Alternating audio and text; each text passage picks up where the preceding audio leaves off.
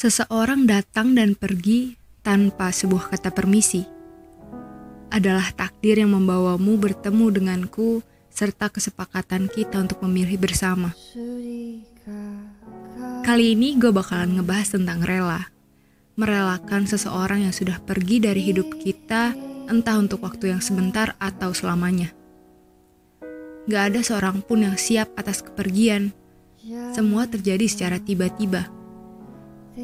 Tiba-tiba bilang terima kasih untuk semuanya. Tiba-tiba bilang, maaf aku gak baik untukmu. Atau tiba-tiba hilang gitu aja. Lucu memang kalau dipikir-pikir, kamu pernah mati-matian menahan seseorang untuk pergi.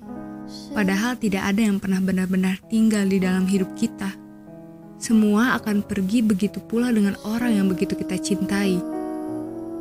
Sekalipun sudah meneguhkan hati untuk bersabar, rasa rindu, amarah, tidak percaya, serta tidak rela terus menghantui.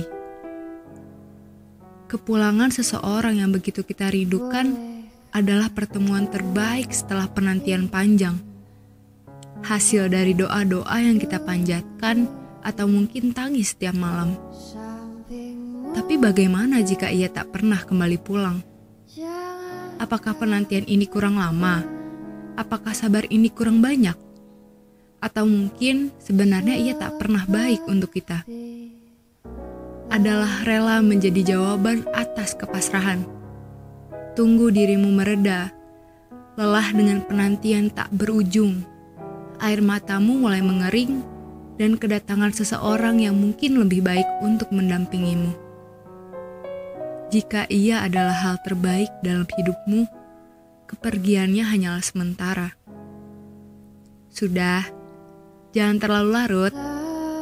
Dia sudah bahagia, begitupun dengan kamu semestinya. Merelakan adalah bentuk perasaan melepaskan dengan hati yang tulus.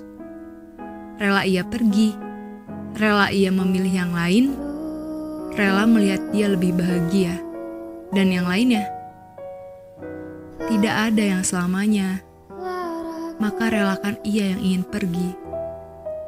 Karena menahan kepergian seseorang tidak akan membuatnya menetap lebih lama.